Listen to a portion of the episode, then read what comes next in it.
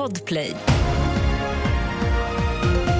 Här kommer senaste nytt och vi kan berätta att israeliska luftangrepp mot Gaza har fortsatt i natt. Samtidigt som Israel uppmanar invånare i norra Gaza att bege sig söderut längs två huvudvägar som ska hållas öppna under dagen. Hundratusentals palestinier befinner sig nu på flykt utan någon säker plats att ta vägen. Vidare kan vi berätta att en lägenhet i Norrköpingsstadsdelen Navesta utsattes för skottlossning igår kväll. Det finns inga uppgifter om att någon ska ha skadats. Polisen utreder händelsen som mordförsök och grovt vapenbrott.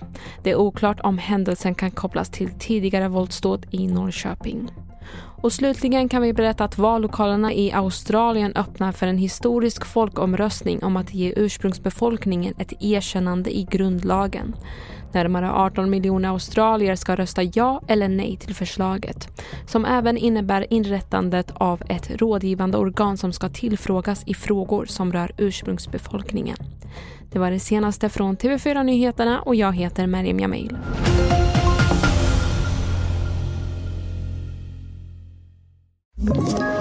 Ett poddtips från Podplay. I podden Något Kaiko garanterar östgötarna Brutti och jag, Davva, dig en stor dos skratt. Där följer jag pladask för köttätandet igen. Man är lite som en jävla vampyr. Man har fått lite blodsmak och då måste man ha mer.